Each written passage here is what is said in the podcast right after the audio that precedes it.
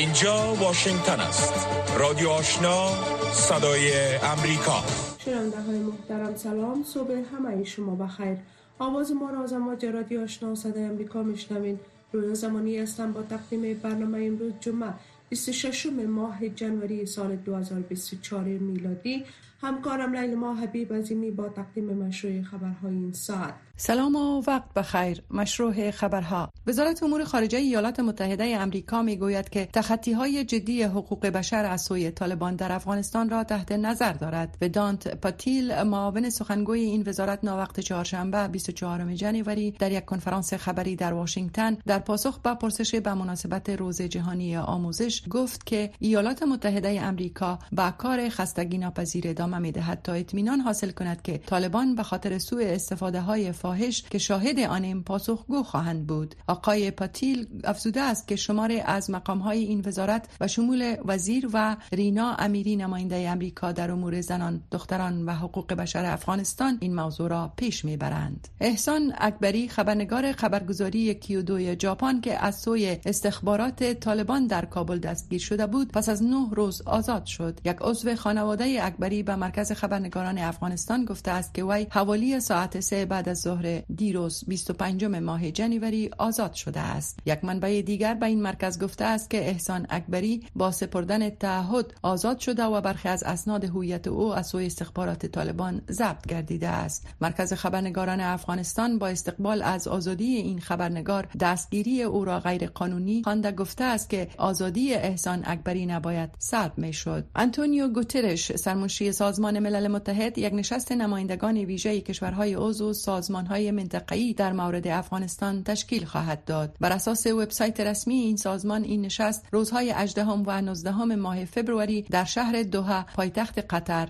دایر خواهد شد. هدف این نشست بحث در مورد چگونگی افزایش مشارکت بین المللی به شیوه منسجم و هماهنگ. از جمله از طریق در نظر گرفتن توصیه های مستقل در مورد افغانستان است. بر اساس سازمان ملل متحد کار روی جزئیات این فرمت و سایر ترتیبات آن ادامه دارد. سرگی لاوروف وزیر امور خارجه روسیه گفته است که کشورش حکومتی را که طالبان در افغانستان تشکیل دادهاند به رسمیت نخواهد شناخت. تا آنها تعهدات سیاسی خود را در بخش احترام به حقوق بشر و تشکیل حکومت همه شمول به جا نیاورند. آقای لاوروف پس از اشتراک در جلسه شورای امنیت سازمان ملل متحد 24 ماه جنوری در یک کنفرانس خبری در این مورد سخن گفت. لاوروف در اعلامیه خود به محرومیت زنان و دختران افغان از کار و تعلیم نیز اشاره کرده است. و گفته آقای لافروف طالبان در حکومت خود به هزاره ها ازبک ها و تاجیک ها جا ندادند اما از نگاه سیاسی همه اینها به گفته آقای لافروف جزء حرکت طالبان می باشد. به نوشته خبرگزاری تاس روسیه آقای لاوروف افزوده است که روسیه با طالبان در تماس است زیرا به گفته او طالبان عملا در افغانستان قدرت را در دست دارند اما مانند سایر کشورهای عضو سازمان ملل متحد روسیه نیز حکومت طالبان را به رسمیت نمی شناسد مشروع خبرهای جهان را از رادیو آشنا صدای امریکا دنبال می کنید. ایالات متحده و بریتانیا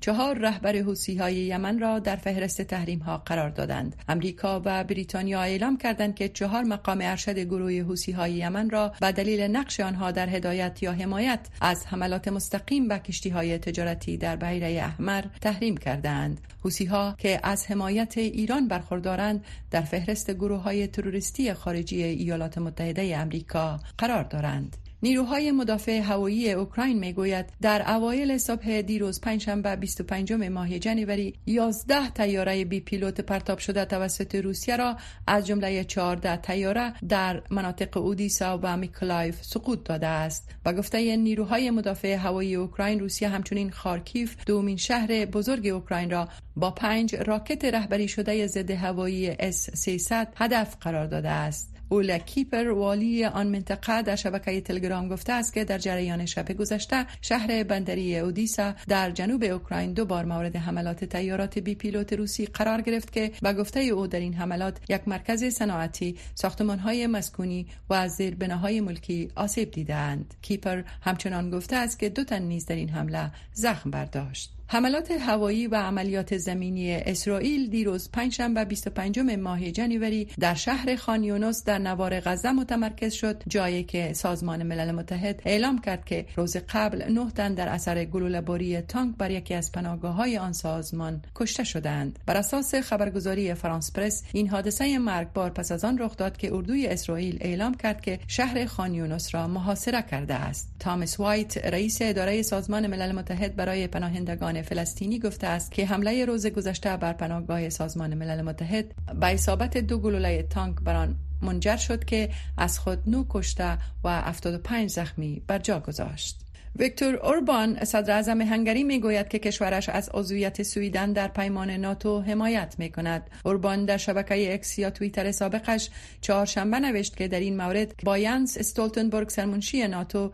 تلفنی صحبت کرده است. صدر هنگری افزود که او پارلمان کشورش را نیز تشویق خواهد کرد که به طرفداری عضویت سویدن در این پیمان رای دهند. پس از ترکیه هنگری یگانه کشور است که با عضویت سویدن در پیمان ناتو مخالفت می کرد. پارلمان ترکیه درست قبل طرح شمولیت سویدن در پیمان ناتو را تصویب کرد. روسیه اوکراین را به سرنگون کردن یک تیاره باربری نظامی که روز 24 ماه جنوری در منطقه بلگورود در نزدیکی سرحد اوکراین سقوط کرد متهم ساخت. این تیاره 74 سرنشین داشت که 65 آنها اسیران جنگی اوکراین بودند که برای تبادله اسیران انتقال داده می شدند. تمام سرنشینان این تیاره کشته شدند مقامات اوکراینی این ادعای روسیه را نه قبول و نه رد کردند اما در یک اعلامیه گفتند که تبادله اسرا باید روز 24 جنوری انجام می‌شد و روسیه با آنها نگفته بود که اسیران جنگی اوکراین توسط تیاره باربری انتقال داده می شوند. گذر کشتی جنگی ایالات متحده امریکا از تنگه تایوان خشم چین را برانگیخت. یک کشتی جنگی ایالات متحده امریکا 24 جنوری از تنگه حساس تایوان عبور کرد و این اقدام نیروهای بحری ایالات متحده خشم چین را برانگیخت. پس از انتخابات ریاست جمهوری و پارلمانی 13 جنوری در تایوان این نخستین بار است که یک کشتی جنگی امریکا از این تنگه عبور می کند قوای بحری ایالات متحده گفت که ناوشکن USS جان فین از دهلیز تنگه تایوان گذر کرد. ساحه‌ای که مربوط قلمرو آبی هیچ کشوری نمی شود نیروهای بحری ایالات متحده گفتند که این اقدام نشان دهنده تعهد ایالات متحده به حفظ آزادی کشتیرانی برای همه کشورها به عنوان یک اصل بوده و هیچ عضو جامعه جهانی نباید تهدید شده یا مجبور مجبور به چشم پوشی از حقوق و آزادی های خود شود. اردوی چین با نشر اعلامیه گفته است که اردوی ایالات متحده در این اواخر به کرات اعمال تحریک آمیز را انجام داده و صلح و ثبات منطقه‌ای را تضعیف کرده است. اما وزارت دفاع تایوان گفته است که مسیر کشتی امریکایی را دنبال کرد و وضعیت عادی بود. این در حال است که ماریو دیاز بالارت و ایمی بیرا دو عضو کانگرس امریکا از تایپی دیدار کردند تا حمایت خود را از انتخابات تایوان نشان داده باشند. سفیر ایالات متحده امریکا در ترکیه می گوید که ممکن طی چند روز آینده رجب طیب اردوغان رئیس جمهور ترکیه عضویت سویدن در ناتو را نهایی سازد که موجب برداشتن گام های سریع در فروش جنگنده های F-16 امریکایی به انقره خواهد شد. جف فلک سفیر امریکا در ترکیه در مصاحبه اختصاصی دیروز پنجشنبه گفت پس از دریافت سند رسمی تصویب عضویت سویدن در ناتو وزارت خارجه ایالات متحده فورا اطلاعیه فروش جتهای F-16 را به کانگرس این کشور ارسال خواهد کرد. پارلمان ترکیه روز سهشنبه درخواست سویدن برای کسب عضویت ناتو را تصویب کرد و مانع بزرگ را برای گسترش این ائتلاف نظامی غربی پس از 20 ماه تأخیر برطرف نمود. اکنون اردوغان باید این قانون را امضا کند و سپس در روزنامه رسمی ترکیه منتشر شود. سند الحاق سویدن به ناتو باید به واشنگتن نیز ارسال گردد. پایان مشروع خبرهای افغانستان جهان تا این ساعت از رادیو آشنا صدای امریکا شما مشروع خبرها را شنیدید و تشکر از اینکه شنونده برنامه های رادیو آشنا صدای امریکا هستید در بخش گزارش ها از زمانی که نشست تغییرات اقلیم سازمان ملل متحد یا کاپ 28 در اواسط ماه دسامبر در دبی امارات متحده عرب به پایان رسید کشورهای جزایر اقیانوس آرام برای ایجاد یک صندوق جدید 500 میلیون دلاری برای حفاظت از اقلیم تلاش کردند.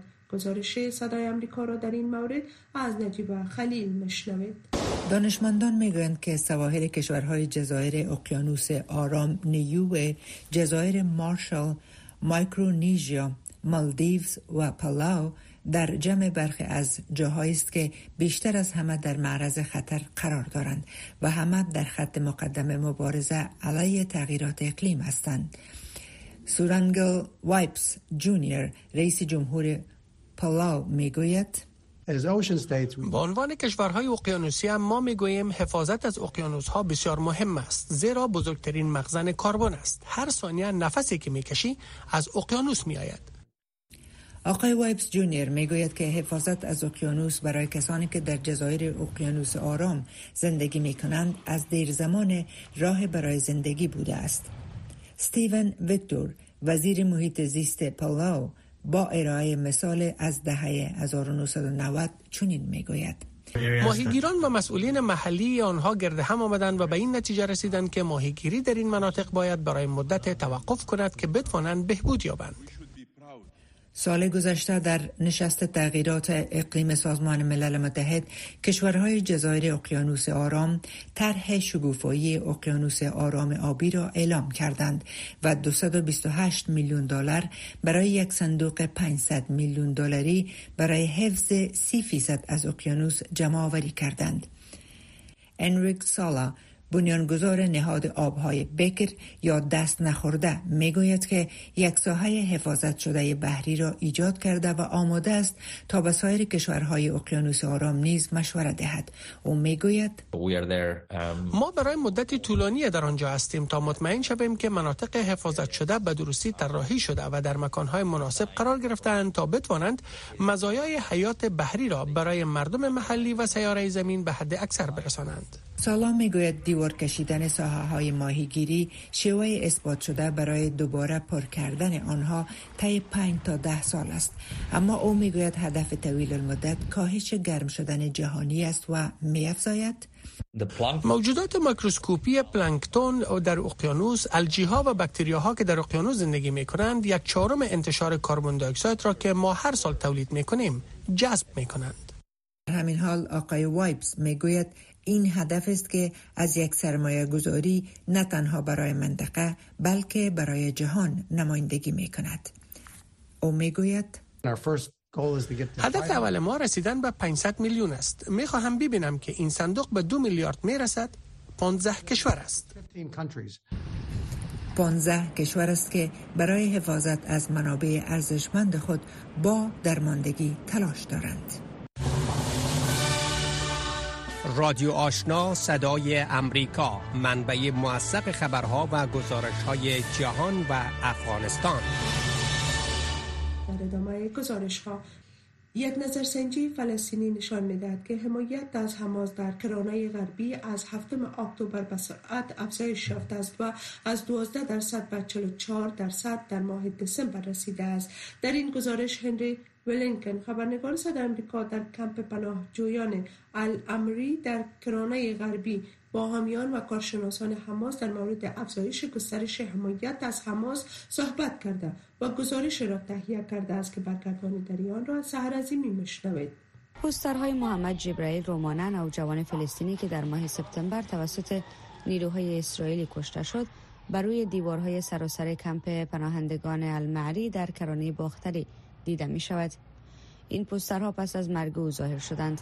مردم محل می‌گویند که حماس این پوسترها را برای جلب حمایت در کرانه باختری با ابراز همدردی با مرگ او چاپ کرد.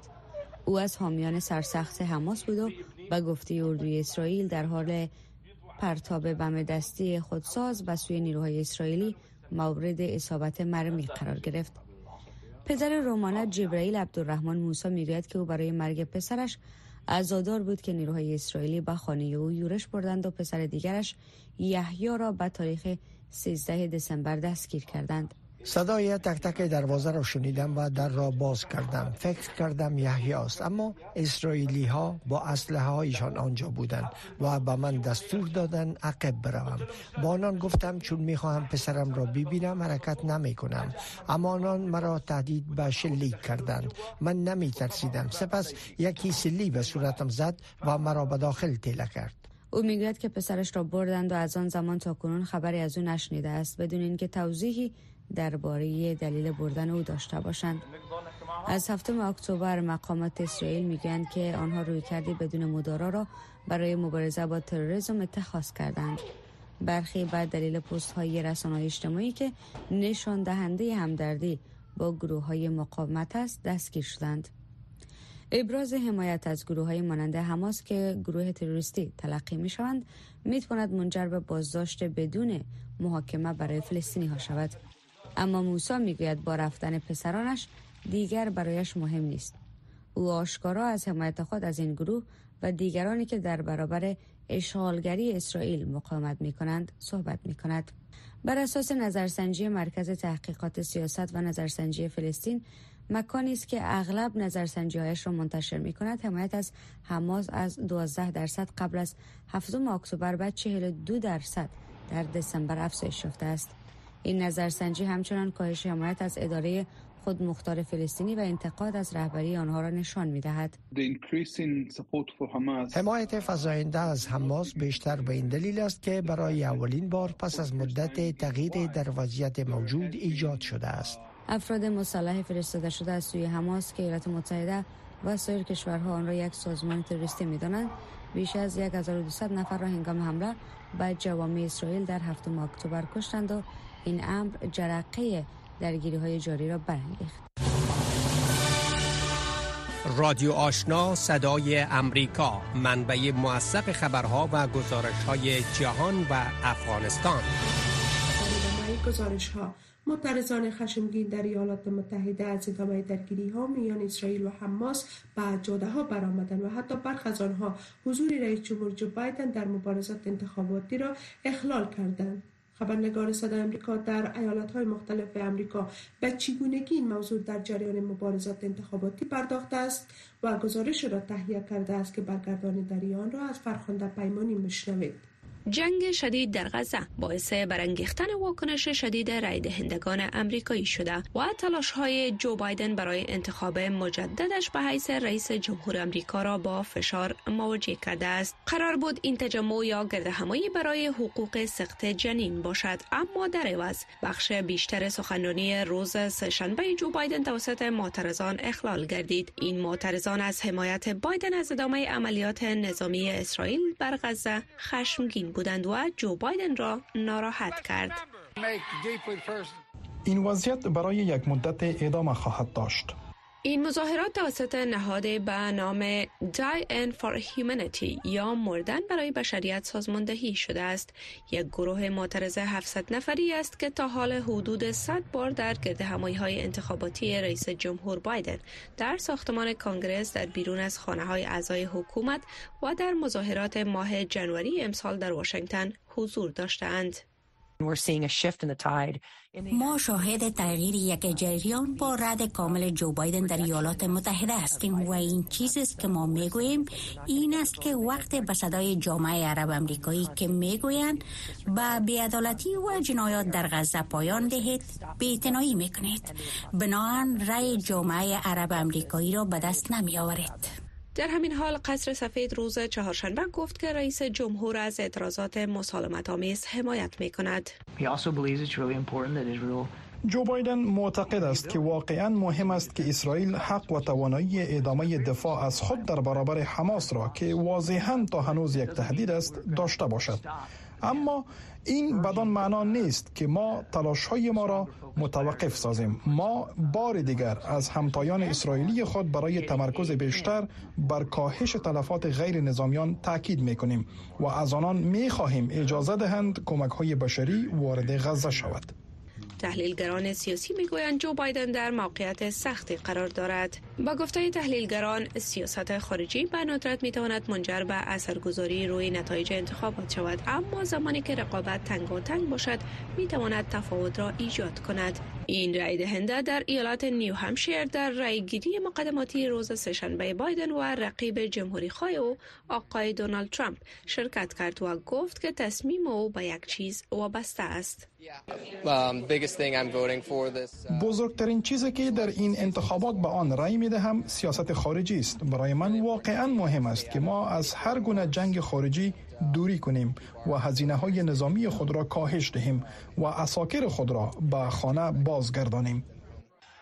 برنامه ترامپ برای حل و فصل بحران غزه تا به حال نامشخص است و اقدامات قبلی او به عنوان رئیس جمهور شامل ممنوعیت مهاجرت مسلمانان به امریکا بود که بسیار مورد انتقاد قرار گرفت. برای فعالان مسلمان این یک انتخاب دشوار است.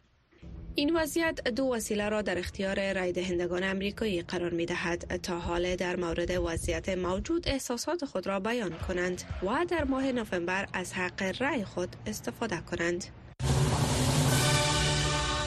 رادیو آشنا صدای امریکا پنج تا هفت صبح و هفت شام تا ده شب.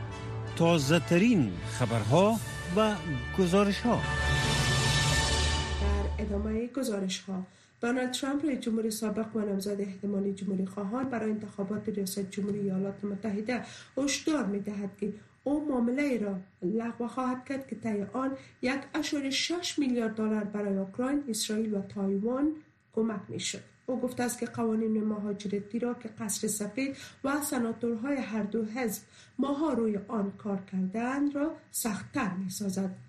خبرنگار صدای امریکا در این مورد گزارشی از قصر سفید دارد که برگردان در آن را مروی زمانی به توجه شما میرسانم دونالد ترامپ رئیس جمهور سابق و نامزد احتمالی جمهوری خواهان برای انتخابات ریاست جمهوری ایالات متحده با حمایت رای دهندگانی که مهاجرت را مهمترین مسئله در رقابت های سال 2024 می داند در انتخابات مقدمات نیو همشار برنده شد. میلیون ها نفر به طور غیر قانونی به کشور ما می آیند. آنها از زندان ها و از مراکز روانی به اینجا می آیند. این پیروزی احتمالا ترامپ را جسورتر ساخته است تا قانونگذاران جمهوری خواه را تحت فشار قرار دهد که سازش روی معامله مهاجرت اجتناب ورزند.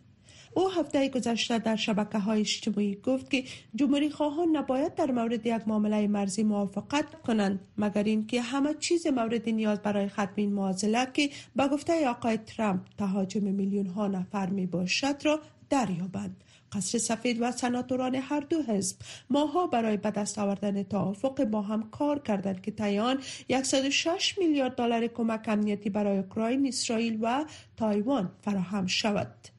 جمهوری خواهان اصرار دارند که در این معامله پول برای تأمین امنیت مرز و سخت و سخت کردن قوانین مهاجرت نیز شامل شود. جو بایدن رئیس جمهوری ایالات متحده آمریکا هفته گذشته ابراز امیدواری کرد که این بسته کمکی کم از کم در مجلس سنا تصویب شود. اکنون سوال این است که آیا رئیس مجلس سنا و جمهوری خواهان مجلس نمایندگان همچنان آماده اقدام هستند؟ اما فعالان مهاجرت چون لیا پرادا در این مورد دیدگاه خوشبینانه ندارند.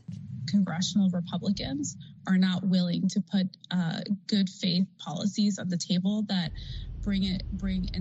جمهوری خواهان در کانگرس حاضر نیستند تا روی یک میز بنشینند و پیرامون سیاست های معتدل که منجر به یک روند انسانی و منظم در مرز و حفظ پناهندگی شود صحبت کنند. در عوض ما شاهد تاکید و پافشاری جمهوری خواهان راست افراطی از جمله ترامپ بر این بحث هستیم. مسئله مرزی شعار مهم جمهوری خواهان در انتخابات امسال است. و تصویب لایحه‌ای که دموکرات ها آن را به عنوان یک پیروزی ادعا می کنند ممکن پیام رسانی جمهوری خواهان را در انتخابات صدمه بزند. نورمن اورنشتاین آگاه مسائل سیاسی در مسای امریکن انترپرایز است و می‌گوید آنها نمی‌خواهند کار کنند که ممکن به نفع جو بایدن تمام شود و مسئله مرز را نمی‌خواهند که از اجندای مبارزات انتخاباتی سال 2024 دور شود. با ادامه جنگ در غزه و اوکراین. سیاست خارجی امسال ایالات متحده بیشتر مورد نگرانی های امریکایی ها قرار گرفته است. یک نظر سنجی مرکز نورکی اسوسییتد پرس نشان می دهد که 60 درصد امریکایی ها می گویند که موضوع سیاست خارجی باید در انتخابات امسال ریاست جمهوری در سطح بالای قرار داشته باشد. بالاتر از 40 درصد نسبت بر سال گذشته. و 35 درصد از مردم نسبت به 27 درصد در سال گذشته گفتند که موضوع مهاجرت برای آنان قابل نگرانی است. رادیو آشنا صدای امریکا. پنج تا هفت صبح و هفت شام تا ده شب. تازه ترین خبرها و گزارش ها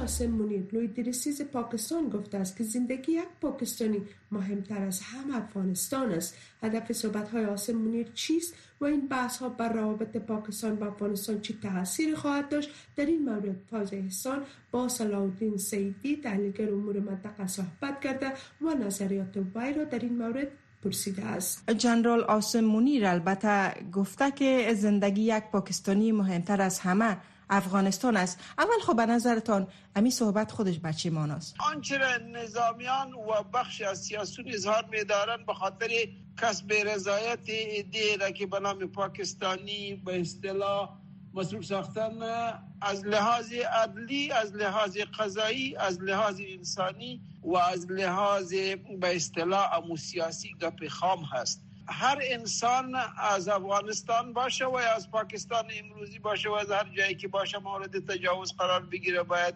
حقش در اولویت قرار بگیره و از دفاع شود اما همچو اظهارات نه تنها که غیر مسئولان است صحبت های غیر به اصطلاح بیباکانه هست و از لحاظ هیچ لحاظی به اصطلاح قابل قبول نیست. به نظر شما امی صحبت ها سر روابط پاکستان و افغانستان چی تاثیر می‌تونه داشته باشه؟ آنهایی که به عمق قضایا می‌دانن و می‌دانن که چهار صوبه پاکستان در نظام فدرالی پاکستان و دو به اصطلاح استیت خورد کلگیت و اینها اگر نیروی نظامی پاکستان به نحو ضعیف عمل بکنه فردا پاکستان تجزیه است. اینها ملت واحد نیستن نه تاریخ دارن و نه جغرافی.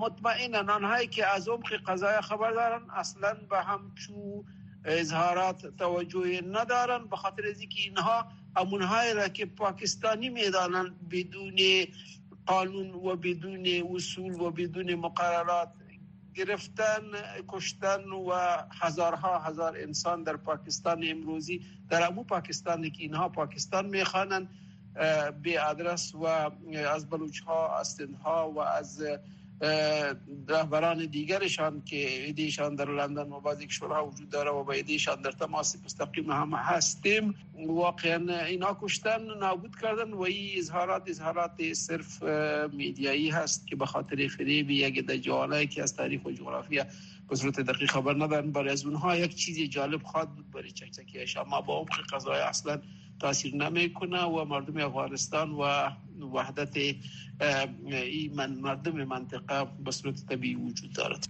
او همچنان گفته که کسانی را که حمله می‌کنه به فرزندان پاکستان تعقیب می‌کنن هم اکنون پاکستان ادعا می‌کنه که در افغانستان تی تی پی وجود داره و از حمله می‌کنه به پاکستان فکر می‌کنین به این معناست که پاکستان حتی به تعقیب مخالفین خود یا کسانی که فکر می‌کنن پاکستانی ها را هدف قرار میتن به داخل افغانستان خود رفت و حمله خود کرد؟ در تفاوت با تعداد زیاد از اطراف قضیه به شمول ایده از افغانستان ایده از تحلیلگرا به شمول طالب ما به این باور هستم که پاکستان این مرتبه راست میگه. به خاطر از این راست میگه که در طول جمهوریت اینها بسیج کردن. تمام نیروهای افراطی را تمام تروریست ها را و تمام کسانی را که برای ایشان در داخل مزاحمت می‌کردن در افغانستان مصروف ساختن به شمول تی اینها می‌دانند که با کدام یکی از ولایات چقدر تروریست روان کردن چقدر افراطی روان کردن چقدر تی تی پی روان کردن یعنی شما میگن که اگر پاکستان احساس خطر بیشتر از افغانستان کنه حتی دست به حمله به افغانستان یا به بخشش خواهد زد به داخل افغانستان؟ سوال تیکی جنگ است. اگر به اصطلاح توافقات با جامعه جهانی برسن که در نتیجه از او جنرالان پاکستانی جیب کنن از دلار پاکستان به هر چیز دست می‌زنه. و به این خاطر در این راستا پاکستان نمی‌خواه که در افغانستان نظامی قائم شود که او از اراده ملت منبعث باشه. او با مردم متکی باشه. او با جهان رابطه داشته باشه. خیلی. تشکر می‌کنم. سلامت شنونده های محترم این بود داشته های بخش برنامه که تقدیم شما شد. برنامه های رادیو آشنا امریکا همچنان ادامه دارد. با ما باشید.